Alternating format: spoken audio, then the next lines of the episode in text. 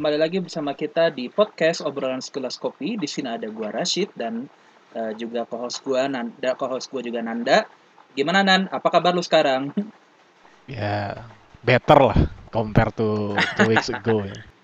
Oh ya, udah two weeks ya. Jadi ini two weeks, tapi technically kita terakhir kali ngepost episode yang podcast kita itu udah more than like what two, dua, dua hampir dua bulan Iya, kali ya. Iya, hampir dua bulan. Kan awal Februari waktu itu. Terakhir tuh sama ade lo kan? Nah, hampir Februari. Enggak, ada satu episode lagi habis Oh itu. iya, yang makan ya, yang galak. Pakai disebut gitu kan. Ya, jujur aja. Itulah Pak. Jujur aja ya. Oke lah, nggak apa-apa kan kita juga trial and error. Jadi eh, setelah apa yang kita juga ini sih hampir dua bulan ini mostly sih sebenarnya eh, gara-gara kita sebenarnya lagi sibuk sama istilah apa selang internetnya adalah IRL stuff atau ke- kesibukan sehari-hari.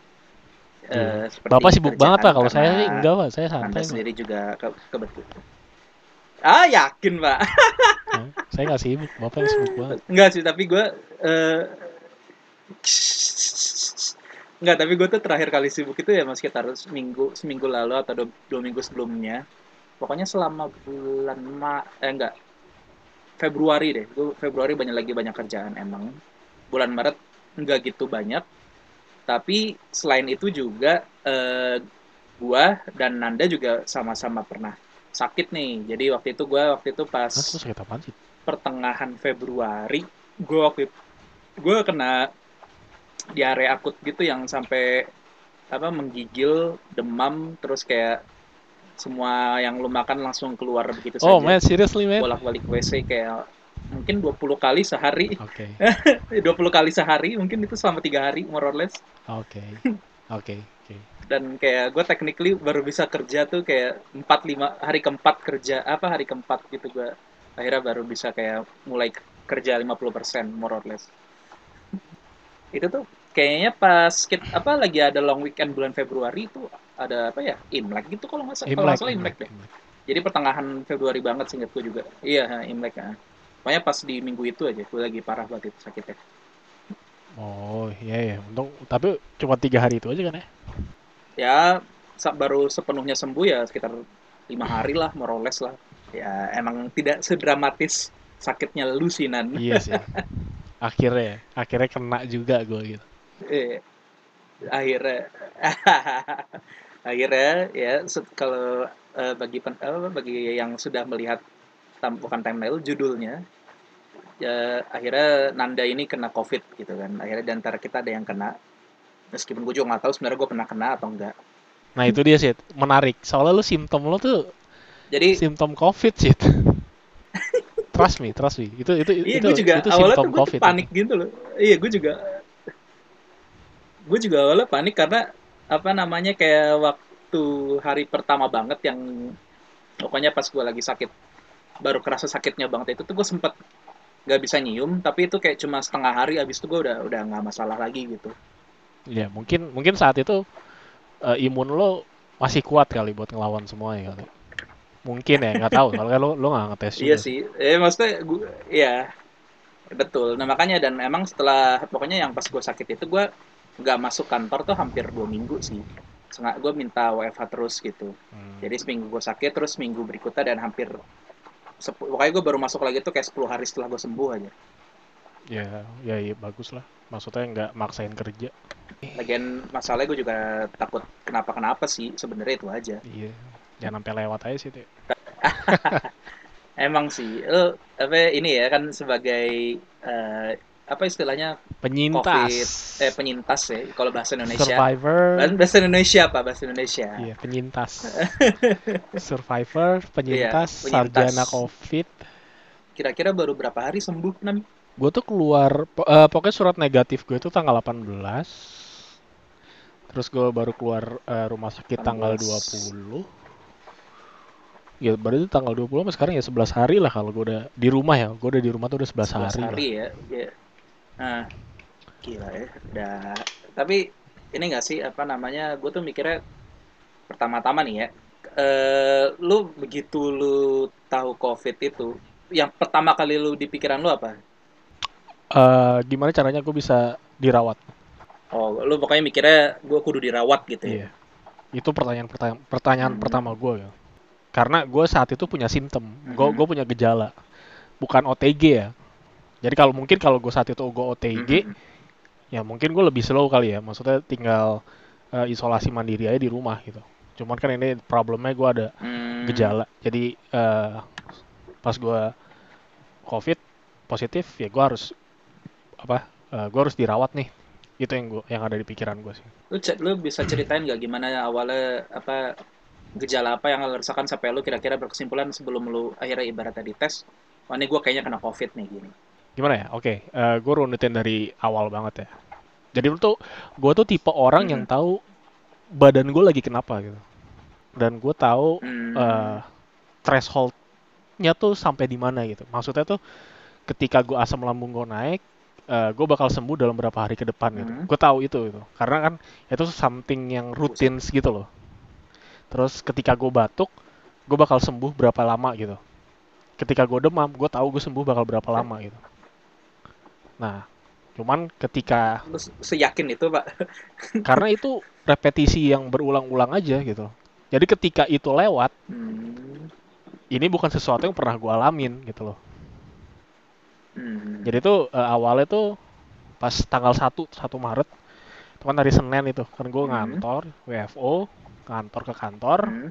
Hmm. cuman saat saat pas gue bangun pagi badan gue tuh kayak lemes gitu loh lo tau kan kayak bangun pagi Hmm. lemes kayak kok males banget gitu Iya. nyampe kantor Ah, ya kerja cuman kayak me everyday. eh cuman kayak apa ya kok nggak agak nggak agak ya masih belum bukan nggak enak badan tapi agak nggak enak badan Hmm. terus kayaknya kayak gue kurang Hmm. istirahat deh saat itu pikiran gue deh karena gue sabtu minggunya itu sabtu minggu dua minggu berturut-turut tuh kayak gue banyak kerjaan buat ngurusin rumah gitu kan ngurusin rumah Ah, iya. terus gue ke dokter gigi juga terus adalah urusan-urusan keluarga lainnya gitu. nah kayaknya gue butuh istirahat nih. Terus kayak gue pulang kantor eh, on time nyampe rumah mandi tiba-tiba badan gue makin ngedrop. Terus kayak gue Oh, gitu. eh, terus gue mikir hmm, kayak gue tidur deh. Gue tidur cepet. Gue mikir paling kalau gue tidur cepet gue besoknya harusnya udah oke gitu kan. Karena ada dua Oh. kemungkinan ya masuk angin biasa asam lambung gue naik jadi badan gue lemas gue bawa tidur gue Hmm. bangun badan gue enak itu yang udah itu yang sering kejadian tuh kayak gitu terus pas hari keduanya tanggal 2 yang gue Hmm. rasain itu kok badan gue lemesnya nggak hilang gitu nah, nah pas hari kedua itu gue mutusin nggak ke kantor jadi WFH aja terus badan makin lemes pas siang gue keringet dingin nah sa- Oke. saat itu yang ada di otak gue adalah asam lambung gue tuh nggak mungkin bikin gue keringet dingin. Apakah gue tipes? Saat itu tuh gue mikirnya kayak gitu karena gue pernah 8 tahun yang lalu sering keringet dingin ternyata gue tipes. Oh. tapi ya gue 8 tahun lalu pernah kena tipes cuman gue nggak ke rumah maksudnya gue nggak dirawat di rumah sakit minum obat ke dokter biasa aja terus minum obat gitu. Nah terus saat itu tuh gue langsung apa beli Imbos Force karena gue tahu kayaknya gue harus na- apa nambah daya tahan tubuh sama gue Hmm. minum stok obat lambung yang ada di rumah. Itu hari itu hari Selasa. Pas Selasa malam ya tiba-tiba kepala gue pusing. Badan makin gak enak. Terus gue tidur Hmm. cepet hari Rabu pagi-pagi tiba-tiba badan gue enakan. Pagi ya pagi. Kan gue tuh gue Nah. tuh bangun tuh selalu eh, sekitar jam setengah empat atau jam setengah lima lah jam jam bangun gue gitu. Pas bangun pagi badan gue Hmm. enakan cuman makin apa seiring berjalannya waktu kok makin ngedrop lagi. Nah Oh. saat itu tuh gue mikir kok asam lambung gue sampai separah ini ya? Karena kayak gue juga mual kayak apa sih GERD? Lo tau GERD gak sih? Iya tahu Nah, tahu. ya apa sih yang asam lambung lo naik ke atas gitu Iya naik Ya, atas. jadi tenggorokan jadi nggak enak itu yang gue biasa yang biasa gue rasain ketika kayak asam lambung gue naik gitu loh Ah, sih. nah eh kayak tapi pala gue pusing pusing banget itu ini nih se- sesuatu yang gue pernah rasain dulu pas gue awal-awal kerja banget 8 tahun yang lalu apa 9 tahun yang lalu Hmm. ini kayak ini kayak gua mau tipes gitu loh Oke. nah terus Rabu malam akhirnya Rabu sore gua sama istri gua kayak ke dokter deh nih maksudnya kayak biar dikasih obat yang bener gitu loh nah pas gua ke dokter Oh, kenapa ini gejala lu sama bini lu nih sama nih kebetulan. bini gua saat itu belum sakit apa beda? saat, saat itu bini gua belum sakit Oh gitu. jadi yang sakit waktu itu tuh Hmm. doang pas hari Hmm. pokoknya pas hari Rabu itu tanggal 3 gua malamnya ke dokter ke UGD ya karena ada gejala batuk Hmm. juga ternyata gua kan bukan ke batuk ya sih cuman Hmm. udah greges atau bahasa itu meriang gitu loh Nah, meriang. Hmm. jadi kalau ada simptom sim apa gejala-gejala yang eh, hawa-hawa covid gitu nggak boleh masuk ke poli jadi harus ke UGD Hawa. Hawa-hawa covid. Iya. terus pas di UGD itu ditensi diukur saturasi oke semua Hmm. terus gue disuruh tiduran aja gitu kan terus kayak lima menit kemudian Oke, dokternya datang dokternya cuma nanya apa yang dirasa bla bla bla gitu. Terus eh, bapak ini eh, karena ini sekarang lagi covid jadi kita eh, harus tes ya pak. Nanti bapak di ronsen gitu. Terus gue saat itu ngeliat jam tuh jam 8 malam sih jam Ah. 8 malam ronsen. Dalam kondisi gue suruh tiduran di luar kayak di tenda tentara gitu Iya. banyak nyamuk didiemin Oh. aja gitu Ini beneran beneran di luar, as in di luar. SN di luar beneran terus gue mikir kan ya apa sih ya logika lah maksudnya lo tahu Hmm. eh, hasil ronsen tuh bak at minimal tuh keluar berapa lama itu harusnya udah jadi kayak pengetahuan Hmm. umum lah It- at least tuh satu setengah sampai dua jam lah Iya. minimal terus gue ngeliat jam kan Ah. gue 15 menit nggak dipanggil panggil gitu terus? Terus akhirnya dokternya gue samperin ke dalam gue jalannya masuk ke dalam kan. Dok ini kok saya belum dipanggil ya buat ronsen ya? Iya lagi ngantri pak. Terus saya harus stay sampai tengah malam dong di sini gue tanya kan. Iya pak. Terus gue kayak seriously gue nunggu di luar gitu. Eh dok kayak saya pulang aja deh dok. Saat itu gue bilang ya kayak saya kalau ada obat bisa dikasih apa resep obat lambung itu bagus. Dan saya minta surat istirahat untuk kantor kan gue bilang jadi gue minta obat Ah. lambung aja ya udah deh dikasih aja gitu Ah. kan ya oke lah gue pulang Hmm. maksud gue ya saat itu I don't know kayak kayak standar ya gue nggak tahu ya kalau pakai tes darah tes eh, paru cuman lo nggak dites antigen atau PCR kayak ya gue nggak tahu kayak ya gue malas saya akhirnya gue pulang aja gitu kan terus dengan sampai Kamis Hmm, iya sih ini eh, kenapa kenapa apa enggak kalau gue sih mikirnya gini dulu. Apa gue pernah dengar ada juga yang apa yang kayak eh, penyintas covid lainnya. Emang awalnya tuh dia tuh keluhannya tuh sakit dada dulu. Jadi begitu di ronsen nih katanya di paru-parunya ada flak gitu. Kayak semacam apa kayak lu kalau udah ngerokok udah lama lu yang kayak tahu kan yang kayak Hmm, di apa namanya eh di gitu-gitu. Eh, ini apa namanya? Di yang kemasan-kemasan rokok gitu. Yep, yep. I know, I know that. Jadi ya maksud gue Eh, di eh, ronsen iya, dan kayak situ gitu. dan ya gue saat itu sih mikirnya ya masa gue ditaruh di luar sih gitu loh. Hmm, Gue ditaruh di luar, literally di luar sih di tenda gitu. Terus Set. ya gue ngerasa nggak nyaman juga kan. Ya gue pulang dikasih obat lambung. Ah, Ya gue selama Kamis Jumat gue minum obat lambung itu aja. Terus Hmm. eh, istri gue sampai hari Kamis tuh masih enak, pas hari Jumatnya dia mulai berasa nggak enak badan. Nah dari situ terus gue Hmm. mikir, kayak selama ini gue asam lambung nggak pernah selama ini, dan kalau gue demam sehari Hmm. tuh kelar gitu. Terus hari Sabtu akhirnya gue Hmm. mutusin kayak kita berdua harus ke dokter deh, ke dokter lagi. Ada satu rumah sakit yang eh, poli umumnya tuh ditutup, jadi orang semua kalau ke poli umum harus ke UGD. Beda rumah sakit sama yang tadi ya. Terus gue Oh, ke iya. rumah sakit, eh dites apa? Pertama pertanyaan lah anamnesa, Eh, ditanya-tanya apa keluhannya, terus di tensi, di apa eh, ukur saturasi, all good. Kayak kecuali kayak waktu itu Hmm. kayak hipertensi Hmm. deh gua. Maksudnya tekanan darah Hmm. tinggi, saturasi bagus, Hmm.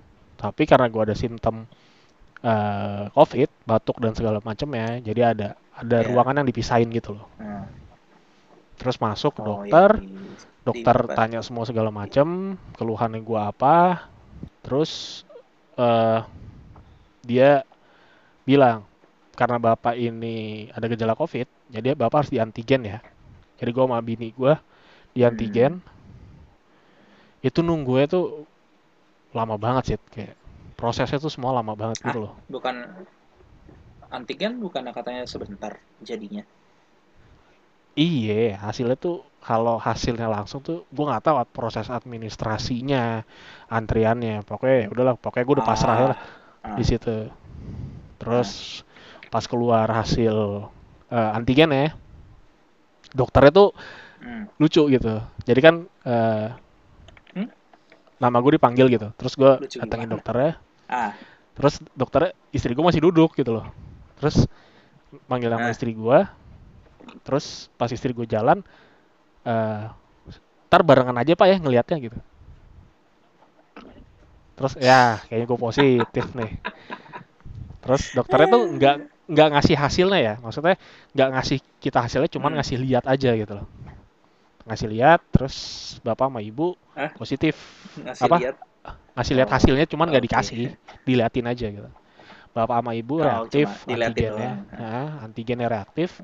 Nah, Eh, dari kami bapak sama ibu harus PCR terus nunggu lagi gue proses Hmm. asuransi lama antriannya lama lagi gitu Oke. buat diambil sampel PCR apa sampel PCR-nya itu aja terus pas akhirnya diambil juga ya. iya pokoknya gue tuh nyampe dokter nyampe rumah sakit tuh jam 2 gue baru pulang jam 7 sih Lama juga ya. iya entah antriannya lah apa apalah PCR akhirnya gue ngambil yang sehari jadi jadi besoknya tuh jadi.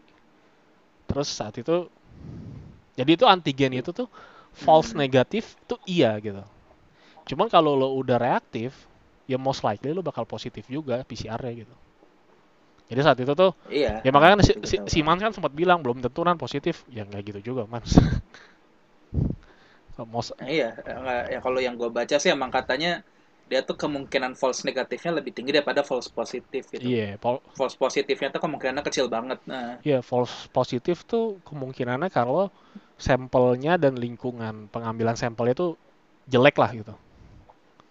U- Hmm, Udah udah apa? Udah ternodai dulu lah alat sam apa hmm. ngambil sampel itu. Nah, Ah, ah. besoknya itu hari Minggu kan. Kondisi gua sama Hmm. bini gue tetap badan greges, kepala pusing gitu. Terus gue makan tuh nggak ada Hmm. rasanya, pahit gitu mulut gua. Terus gue udah mikir, ya ini mah positif gitu loh. Maksudnya, terus akhirnya sampai minggu malam itu tuh hasilnya tuh nggak nggak dapet gue sampai sampai Senin pagi belum dapat hasilnya juga. Gue telepon rumah sakitnya, ternyata oh, email, dari sehari dong. iya Hmm, email gue iya. salah yang di yang ditulis sama mereka. gue minta kirim ulang kan, Oke. dapat, terus lihat, anjir positif. Oke lah, terus tinggal karena gue udah yakin positif saat itu kan, jadi ya nggak shock-shock amat gitu loh. Nah, Jadi pas Iya. Senin itu kalau udah eh langsung tuh kayak gue ngontak apa pihak eh pi- apa gue ngontak puskesmas, bini gue ngontak temennya yang dokter dan temennya yang pernah kena covid. Nah jadi hmm, jadi tuh pas hari eh, Sabtu gue tuh nyari nomor telepon puskesmas nemu di Google gue telepon gak diangkat terus gue Hmm. mikir ya udah ini malam minggu kali bisa. malam minggu kali terus saat itu tuh gue udah hopeless dengan pelayanan puskesmas gitu. Gimana caranya gue bisa ke wisma atlet atau Hmm, atau diisolasi di Hmm. hotel atau apartemen mana gitu yang dari pemerintah? Hmm, hmm. cuman ya apa ya itu biasa lah. Lu gimana sih orang yang seumuran kita yang udah pernah ngerasain dulu zamannya puskesmas pelayanannya kayak gimana gitu kan? Jadi gue saat itu tuh udah underestimate saat itu ya. Ya gue di gue nelfon kagak diangkat lagi terus gue googling gue googling nyari nomor Hmm. eh, kontak kontak eh, COVID Jakarta gitu. Gue telepon, Oh ya, oke. Nah, gue telepon, pokoknya adalah di website COVID Jakarta tuh. Ada, kalau ada apa-apa kontak sini, Hmm. pokoknya kontak personnya itu. Gue telepon diangkat. Hmm. Terus gue gua kasih tahu kan, Hmm. "Eh, saya sama istri antigennya reaktif. Eh, what is the next step gitu loh intinya. Terus, oh, eh, bapak harus ada hasil PCR-nya pak, dia bilang kan. Oke, kalau saya udah ada hasil PCR-nya, Hmm. saya ngontak siapa? Itu kan maksudnya Hmm. ya kalau gue udah punya hasilnya terus gue ke mana Iya, hmm. gitu loh terus eh, bapak di mana tempat Iya, tinggalnya betul. terus gue kasih tahu kelurahan nama Hmm. kecamatannya gue kasih tahu Hmm. oh bapak di situ ya bapak Hmm. kontak ini aja pak kalau bapak udah ada hasilnya dikasih tuh nomor handphone Hmm. nomor handphone lebih terpercaya lah daripada Hmm. nomor eh, kantor apa nomor rumah kan Iya, terus betul, betul, betul. eh pas oke gue save nomornya pas hari Senin gue ketemu hasil ya hasil hasilnya ada jam 8 pagi jam 8an pagi lah. Apa setengah sembilan gue telepon tuh nomor yang dikasih tuh. Jadi tuh nomor yang dikasih itu adalah Ah. eh, PIC puskesmas level kecamatan. Nah Oh, jadi gue nelfon dia dulu Udah di ini, ada dia. gue Hmm. gue nelfon dia terus gue kasih tahu hasil eh, PCR gue positif gue sama bini gue terus dia Hmm. bilang oke Hmm. eh, bapak nanti kontak ini ya puskesmas level kelurahan nah Hmm. eh sorry sorry jadi dari puskesmas yang level kecamatan itu dia, dia bilang sama gue bapak bersedia dirawat nggak eh bersedia dirujuk nggak gue bilang bersedia Oh. terus ya udah Hmm. bapak nanti ke puskesmas yang level kelurahan langsung datang gitu maksudnya Hmm. Yang di Langsung datang. ya, betul. iya yang di level kelurahan ya Hmm. terus Hmm. terus gue tanya kan jam berapa "Eh, dari jam 10 sampai jam Hmm. 12 pak dia bilang oke lah Buset, Nah. dua jam doang. iya meanwhile bini gue ngontak temennya yang pernah kena covid Nah, terus nah. eh, bini gue ini eh temennya yang kena ini istrinya tuh dokter nah Oh, oke. Jadi dia bilang, "E, Mbak, eh, mungkin selain kontak ke puskesmas, coba Mbak ke dokter ini deh, gitu, dokter paru, buat dapat Hmm. ya obat atau eh, ya penanganan lah, gitu kan." Terus akhirnya gua, Hmm. kita mutusin ke rumah sakit eh, yang ada di Menteng tuh, dokter kita ke dokter parunya, dokter Hmm. Faris. Jadi ya Hmm. abis gue Ah, nelfon puskesmas, bini gue ngasih tahu info itu ke gue, gue telepon lah rumah sakit itu buat apa eh, bikin appointment. Ah, oke. Appointmentnya itu jadinya sore Hmm. lah jam 5. Nah, terus Aha. pokoknya pas hari itu hari ke tu hari ke 8 ya berarti buat gue ya. Ya hari ke 8 Iya, buat gue. eh, kondisi badan gue tuh makan gak ada rasanya. Terus badan tetap nggak enak, cuman better daripada uh, sebelumnya gitu loh. Jadi gue masih, maksudnya gerakan Hmm. apa? Ya gue masih bisa aktivitas, aktivitas lah gitu. Terus, Hmm. nah bini gue tuh makin makin nggak enak tuh badannya, batuknya makin parah, terus pusing saat itu. Nah, akhirnya siang Hmm. kita ke uh, puskesmas yang di kelurahan. Kita Hmm. dateng, Hmm. petugas puskesmasnya tuh udah pakai baju astronot tuh. Hazmat suit Iya, namanya. hazmat suit. Terus ditanya kan, ke, pertama ketemu ibu-ibu dulu. Ah, Bapak sama ibu kenapa? Gue ah. bilang saya positif. Terus udah ada yang kontak belum? Terus gue lihat handphone. Ini saya baru dikontak. Gue kasih lihat itu kan. Wah pas ya ya ya udah pak. Terus ditanya lah eh, identitas gue, gue tinggal di mana, KTP gue diminta buat di foto, buat di copy sama Hmm. mereka. Hmm. Terus eh, Hmm. nah di saat yang bersamaan kan ada yang kontak gue tuh, ada yang nelfon gue sama nge-WA gue dari PIC-nya puskesmas level kelurahan. Nah dia tuh minta minta eh, dokumen-dokumen lah kayak KK, KTP. Jadi dikirim lewat WA aja. Eh, ya gua sama bini gua dan hasil PCR-nya. Nah Oh, oke. pertanyaan mereka itu, Bapak bersedia nggak dirujuk? Oke, kalau ya ge- tentu aja gue jawab bersedia lah. Terus ditanya eh, kondisinya saat itu tuh gimana gue kasih tahu terus ditanya selama dua minggu terakhir dari bapak eh, sakit bapak ke mana aja itu ditanya bapak udah lapor apa Hmm. orang kantor belum udah gue bilang terus eh, ya gue ceritain aja runutannya terus bapak tahu nggak kira-kira bapak kena di mana? Itu yang gue nggak bisa jawab. Nah jadi ya maksud gue kalau apa sih masa inkubasi virus itu dua minggu? Nah selama dua minggu itu tuh weekend gue orang-orang yang bersinggungan sama gue pas weekend itu fine fine aja gitu loh. Kalau yang di kantor gimana? Setelah lu lapor, yang teman-teman lu di kantor nggak ada yang dites atau gimana? nah jadi kan gue tuh ngelapor ke kantor gue positif itu gue hari Senin ya dong Hmm. Nah, pas hari Rabu ketika gue sakit dan gue WFH, ada orang ada orang di kantor gue yang kena positif. Oke. Ya udahlah, silakan disimpulin sendiri. ya gue nggak tahu ya, maksudnya kalau gue weekend, gue fine fine aja gitu loh. Iya sih.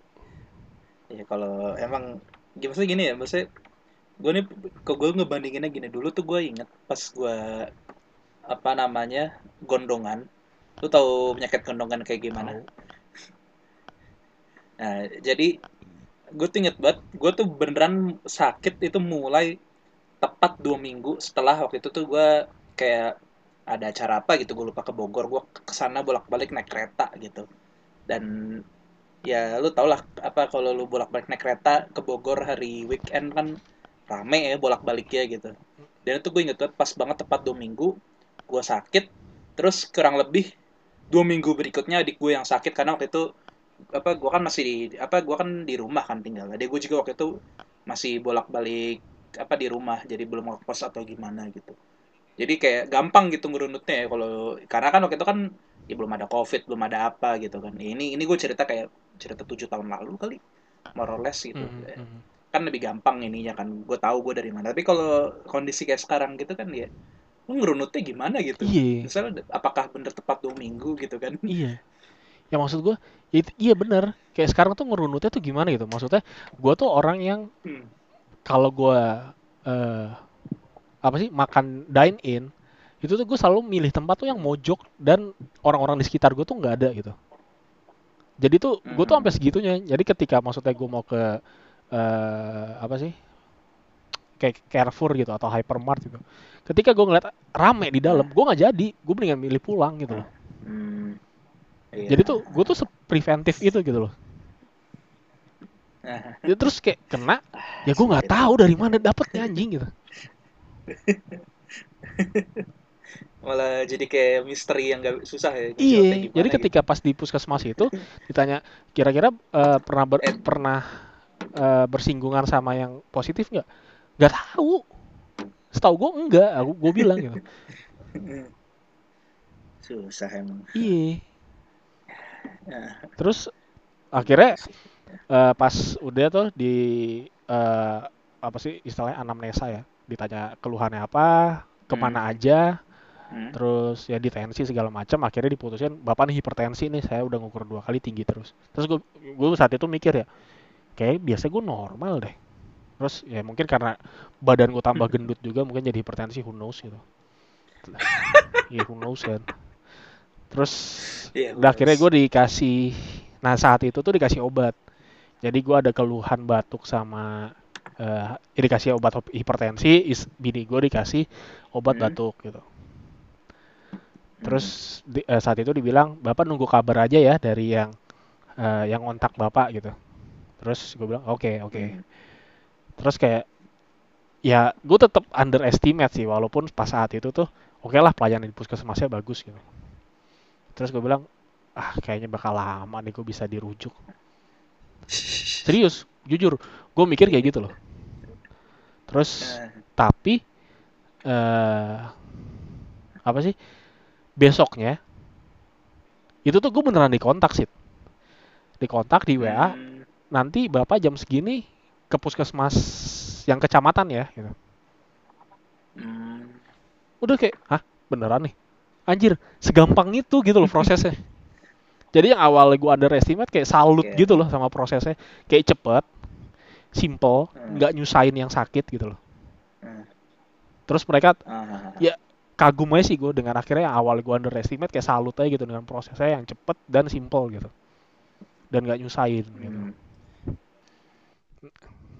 Iya, terus nah jadi kan pas hari Senin itu eh gue siangnya ke puskesmas, malamnya sorenya gue ke yang dokter Faris itu kan. dokter. Heeh. Ah, betul. Nah, dari dokter Faris dicek segala segala macem. Dia minta gue ronsen apa CT scan sama darah, ambil darah terus dikasih obat. Ya, Oke, jadi oke, berarti ini berarti lu ini ya, apa namanya? Lu dengan ibaratnya lu udah ke rumah sakit yang di Menteng ini sebelum lu ibaratnya memutuskan eh, dirawat di Wisma Atlet, ini tuh berarti lu berarti technically lu udah gejala lu udah berkurang gak sih dari lu sebelum apa pas lu udah masuk ke Wisma Atlet itu?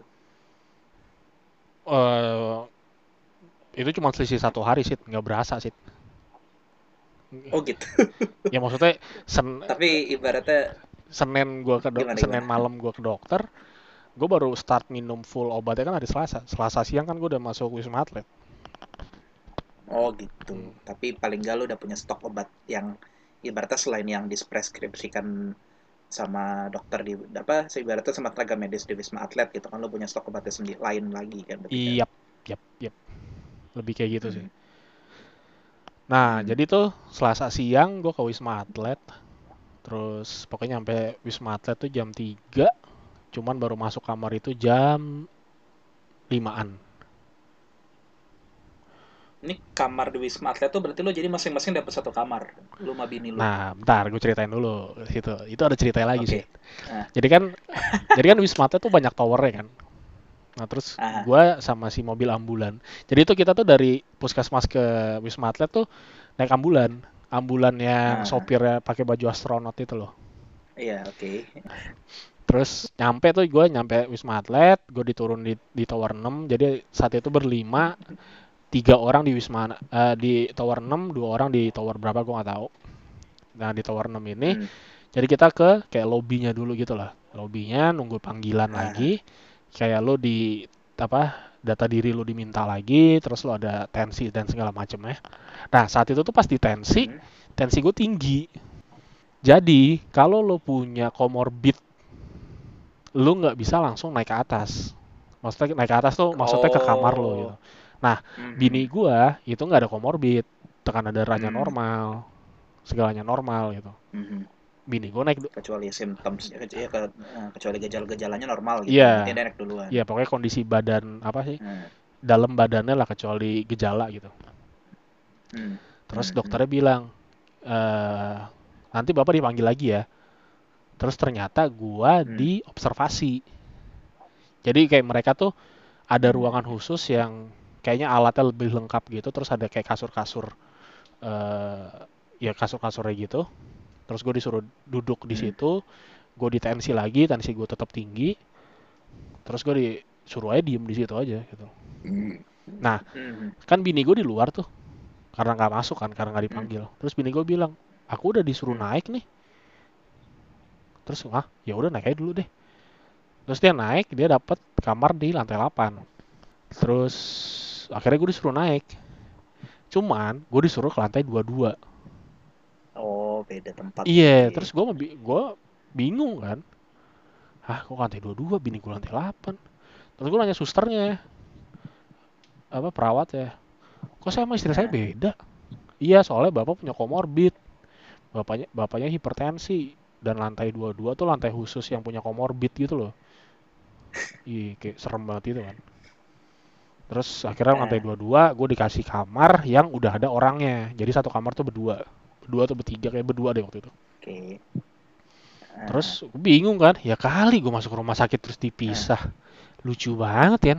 ah. Terus akhirnya kita ngomong ke suster lantai 22. Bukan suster yang nganterin kita dari Hmm. bawah ya. Terus suster bilang lantai lantai. 22 itu bilang bisa pindah, cuman ibu harus ngomong dulu ke suster di- yang di lantai 8.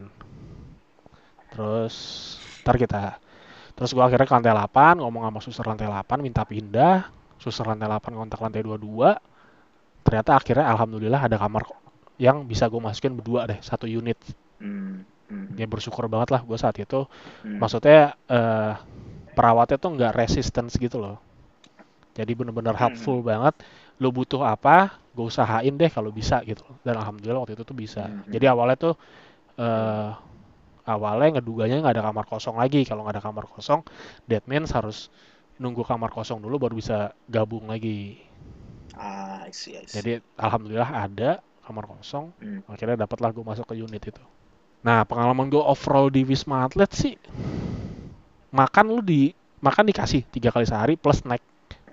Ah, Jadi ibaratnya makan aman lah.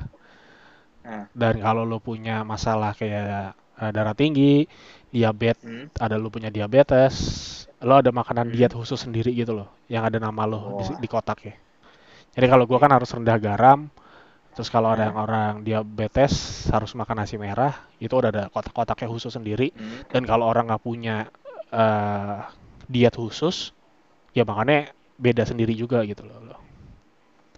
Nah, untuk Hmm. obat, jadi di Wisma Atlet tuh juga disediain obat. Jadi tuh dokter bakal ngelihat Hmm.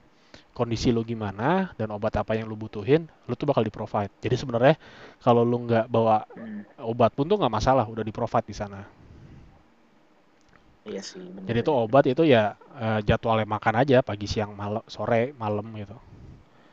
Perawatnya itu ready 24 jam. Jadi kalau lo ada apa-apa pasti mereka urusin. Hmm. Namanya juga rumah sakit kan. Kegiatan sehari-hari di Wisma Atlet ya jadi itu setengah 6 jam 6 lo udah. Jadi itu kita tuh ada grup WA per lantai gitu loh. Jadi per lantai ada susternya, terus ada juga grup WA-nya yang di maintain sama si susternya inilah perawatnya. Hmm. Nah, I jadi itu setiap jam makan atau jam pembagian obat itu selalu dikontak di situ. Terus kalau lu Hmm. lu nya belum ngambil jatah obat lu, lu bakal ditelepon. Tolong ya Hmm. diambil makan obatnya Bu gitu. Obatnya Pak tolong diambil Hmm. gitu. Terus nah, di jam-jam makan pengambilan makan itu ada juga buat pengukuran tensi dan saturasi. Jadi kesehatan lu tuh benar-benar dipantau banget gitu lah. Jadi jam 6 makan, biasanya tuh di bawah itu tuh ada jogging track. Jadi Hmm. namanya juga Wisma Atlet. Jadi tuh Iya. orang tuh biasa kayak tawaf aja tuh ngiterin tower-tower gitu loh. Jalan atau ada yang lari, ada yang berjemur, terus ada senam pagi. Jadi di tengah-tengah tuh kayak ada lapangan gede, area publik gitu. Kalau jam 8 sampai jam 9 tuh pada senam pagi di situ. Hmm. Nah, ini yang apa sih? Ini hal yang menarik kayak beberapa hari yang lalu itu tuh sempat ada seremoni satu tahun COVID di Indonesia. Ah iya, yang yang mereka pada main angklung itu. ya. Iya. Dan di Twitter mostly tuh pada ngebully. Ah. Terus dalam hati gue, yang ngebully ini pernah ke situ nggak sih? Pernah masuk nggak sih? Pernah jadi pasien nggak sih? Gitu. Iya, Itu iya, yang iya. boleh masuk itu cuman orang yang punya kepentingan antara lu pasien atau lu nakes gitu loh, atau no- Iya, atau petugas non kesehatan buat kebersihan gitu loh. Ah, Jadi tuh orang sehat tuh nggak mungkin ada di dalam gitu loh. iya, iya. Orang sehat tuh nggak mungkin ada di dalam tanpa apa sih? Tanpa APD gitu. Mhm. Jadi orang yang di situ ya kalau yang sehat udah well protected dan orang-orang yang sakit. Terus lu masih memper apa netizen tuh masih mempermasalahkan itu gitu. Lu kira nggak stres anjing di dalam? Iya. Gue iya. tuh gue tuh berasa bosannya tuh bosan parah sih. Iya. Lu nggak bisa bawa apa-apa lagi ya. Lu cuma, berarti lu cuma bawa apa laptop laptop doang ke sana? Iya laptop pribadi bukan laptop kantor ya. Karena gue nggak mau kerja Iya. di situ. Laptop pribadi gue bawa, terus bini gue juga bawa tablet. Eh, Tabletnya bawa laptop juga. Ya kalau buat entertainment ya cukup lah kalau lu bawa laptop aja. Dan ada wifi juga di situ enaknya. iya. Nah, paling nggak paling nggak bisa Netflix lah ya. Iya, ya kerjaan gue Netflix sama YouTube aja. Jadi tuh jam 8 pagi ada senam, terus mereka sampai dari jam 9 sampai jam 11 itu nyanyi-nyanyi. Jadi ada ada speaker, selalu ada speaker di tengah-tengah situ. Jadi ada yang nyanyi-nyanyi, ada yang joget-joget. Jadi tuh bener-bener tuh Oh. dibikin gimana suasananya itu orang tuh nggak bosen gitu loh. Hmm, supaya nggak bosan. Iya, karena apa sih kalau lo bosen Iya. lo stres kan? Mhm. Dan itu tuh yang dihindarin. Kalau lo punya, kalau badan lo udah enakan, lo bisa bersosialisasi di bawah. At least lo ada, lo bisa main volley, lo bisa main bola gitu. Hmm. Itu ada, ada, ada net volley kok. Pada main volley, ada yang main bola, ada bola, ada bolanya gitu. Ya pokoknya ada tempat-tempat duduk gitu lah tempat kayak tempat-tempat duduk yang ah, tempat gathering gitu lah iya ya tempat-tempat gathering gitu loh. Ah, ah, ah. ya maksud gua orang-orang yang ada di situ yang sakit itu butuh hiburan juga kan. Iya, kalau sangat. kalau lu nggak butuh hiburan that means ya lu udah sakitnya parah banget dan lu nggak mungkin ada di wisma atlet. Kalau sakit lu udah parah banget lu pasti di rumah sakit yang beneran gitu loh. iyalah dan itu kayak masih aja di diomongin netizen ngapain sih seremoni seremoni ya lu coba ke situ deh lu rasain deh kalau nggak ada hiburan kayak gitu bosannya kayak gimana gitu. Iya sih. Nah terus siang eh, sepi ya jam istirahat juga kan jam tidur siang. Jam 4 itu Nah. acaranya mulai lagi ada lagi senam. Hmm, sampai jam 6 setengah 6 lah at Hmm. least. Terus kadang pas malam gue suka ngintip ke bawah itu ada aja orang-orang yang duduk-duduk main handphone. Hmm. Main Mobile Legend gitu iya mungkin ya. Ya kayak gitu aja. nah terus lu bisa juga di pasien di sana tuh bisa mesen. Apa sih? Bisa kalau lu mau beli online something itu lu bisa ngirim ke dalam. Hmm, jadi ada ada beberapa pos yang eh, Iya. kayak titik kumpulnya gitulah jadi Mhm. barang-barang ada di situ. Jadi pasien tinggal turun ke bawah ngambil situ di bawah di luar. Hmm. dan itu yang ngawasin itu TNI sama polisi.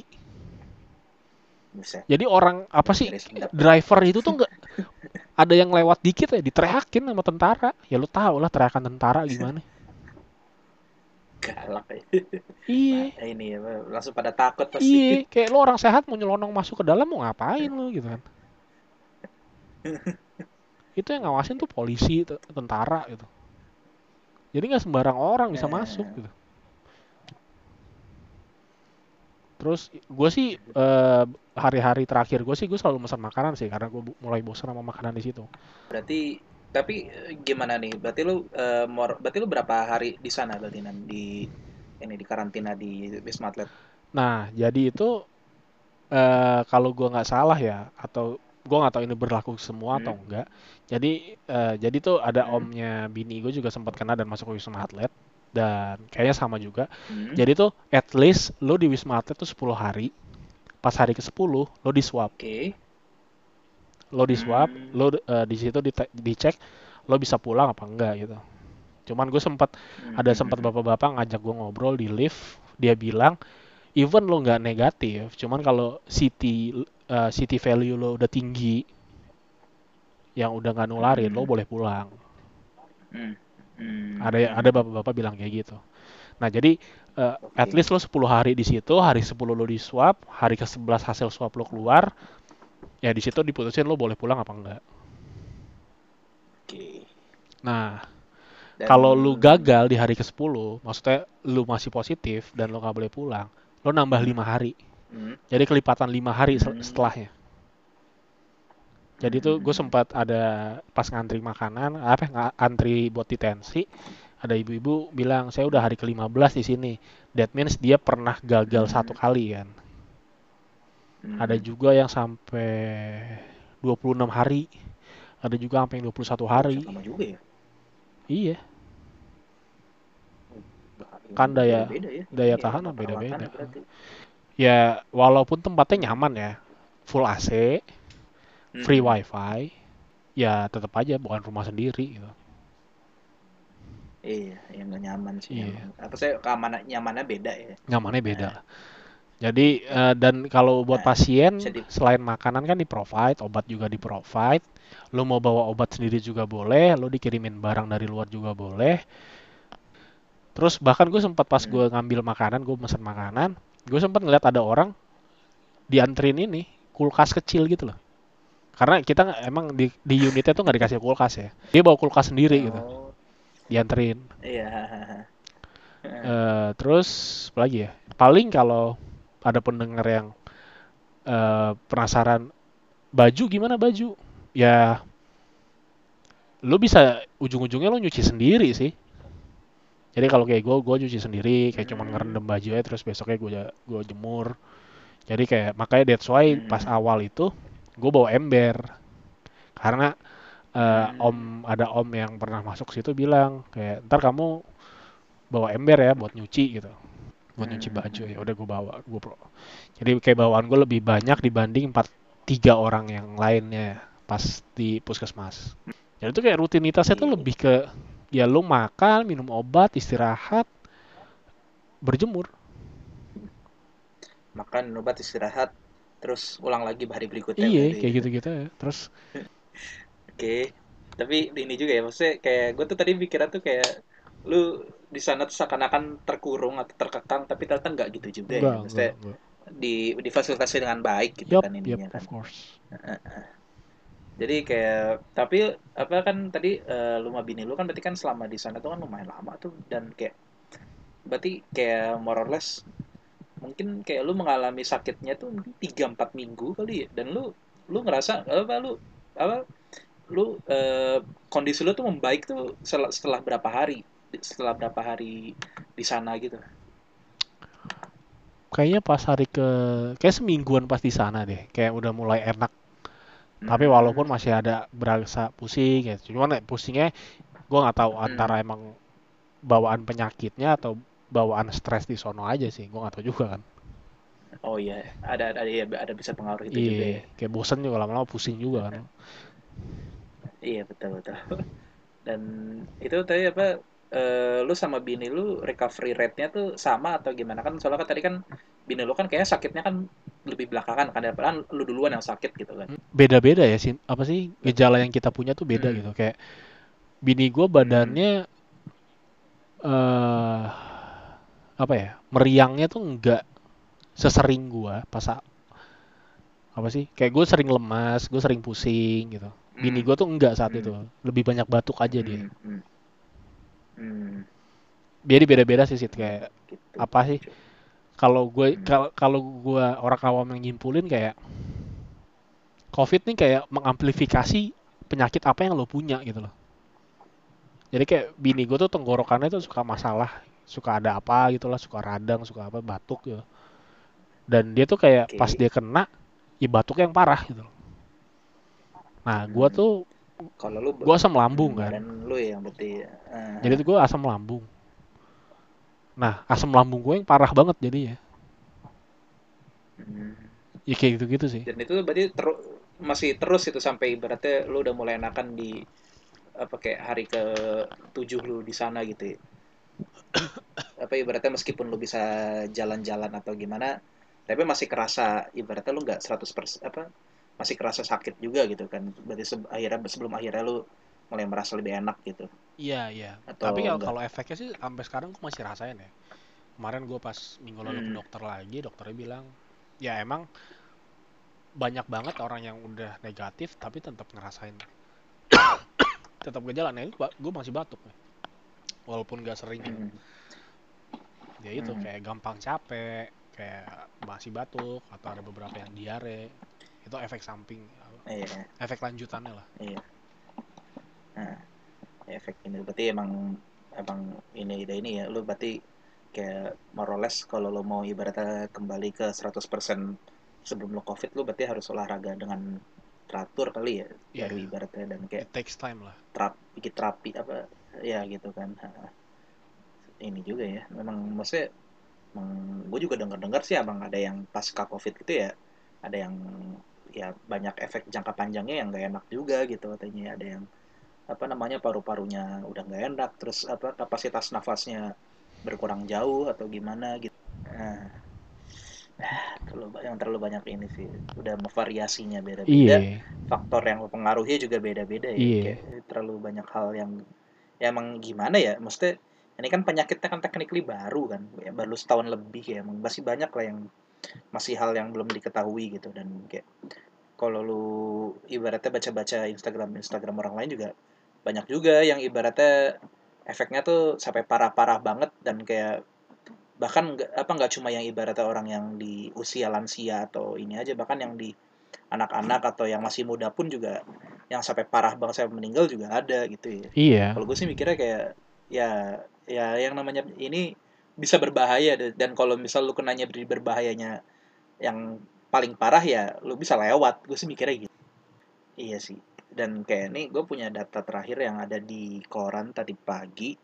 Itu adalah sampai apa di sampai saat ini ada more or less 122.300 orang yang dirawat di seluruh Indonesia. Atau kalau di Jakartanya doang itu ada 7.000 orang yang lagi dirawat.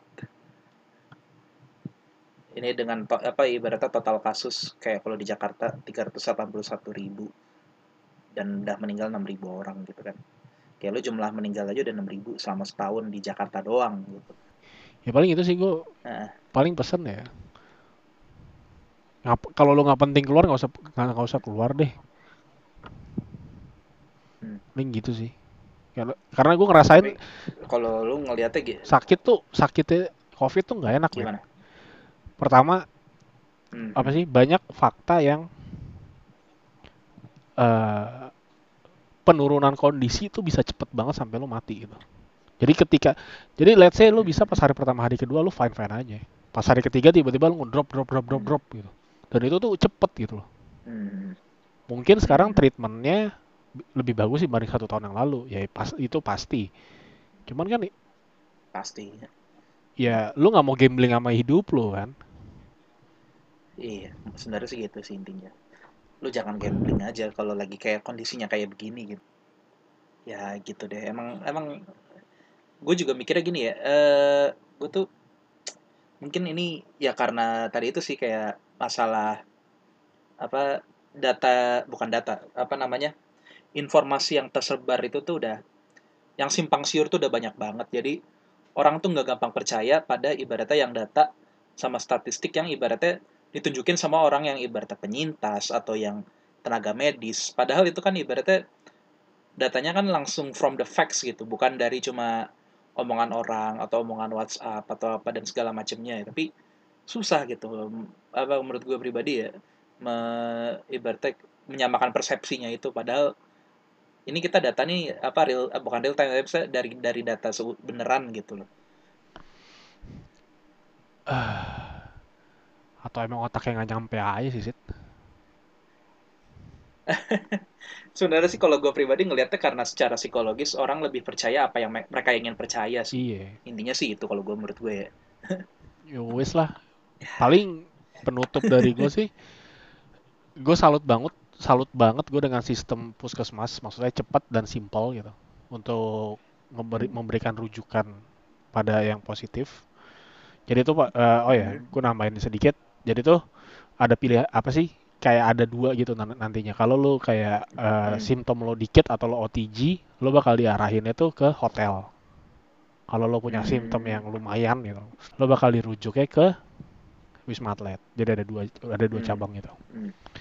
Hmm. Dan ya di Wisma Atlet pengalaman gue sih perawatnya oke, okay, maksudnya uh, apa sih waktunya tuh teratur, makan lu makan lu terjamin, obat lu terjamin di sana. Hmm. Cuman kalau gue pribadi, gue untungnya sempat ke dokter dulu yang gue udah beli obatnya gitu.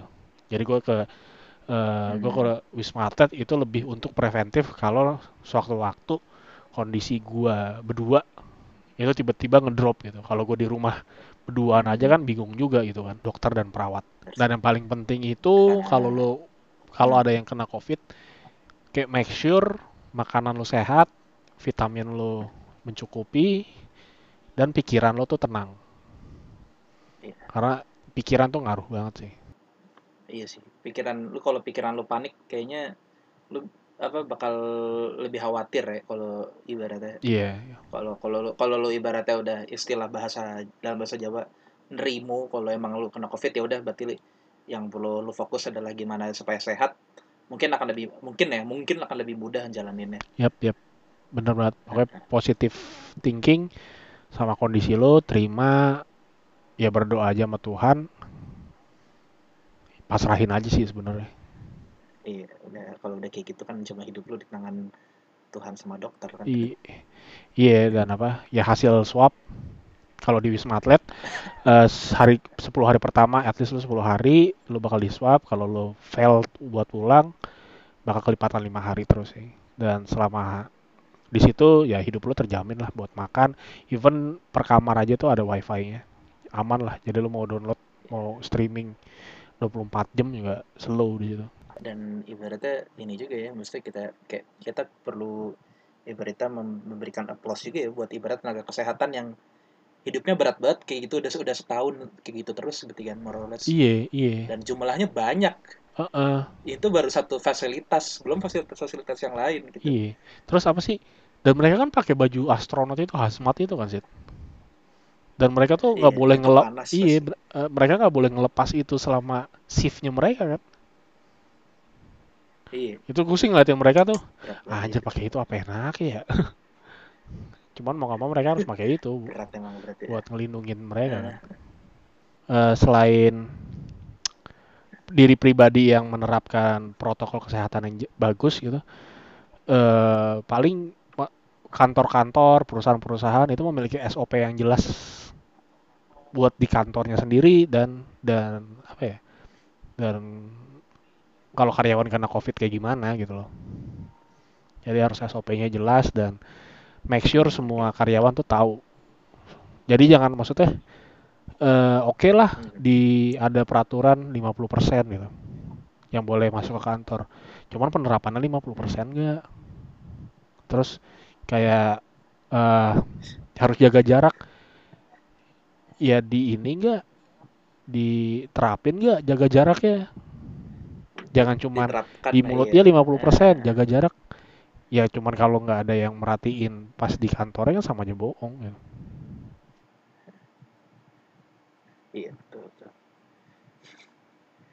iya sih emang ya ya mengingat ini nih Indonesia kayaknya ya tapi ya ya mau ya gue masih meskipun gue tidak banyak berharap ya tapi sih gue berharap paling enggak ya jangan inilah kita jangan terlalu eh, bukan jangan terlalu jangan meremehkan covid sih gue gue mikirnya gitu karena ya ya ya kalau misalnya ibaratnya itu apa namanya balik ke diri lu sendiri lagi lu nggak mau ada di bagian yang gak enaknya gue mikirnya Benar. gitu sih ya wes lah paling dari itu sih dari gua pengalaman gua dari tanggal 1 Maret sampai tanggal 20 Maret akhirnya gue bisa ya negatif tanggal 18 akhirnya gue tanggal 20 bisa pulang sekarang masih recovery sih karena badan gue belum 100% balik ke semula ya sekarang sih ya jadi lebih ngejaga Hmm. makan lebih apa sih mencukupi kebutuhan vitamin dengan suplemen sama olahraga sih paling sekarang gue kayak hmm. hidup lebih sehat lah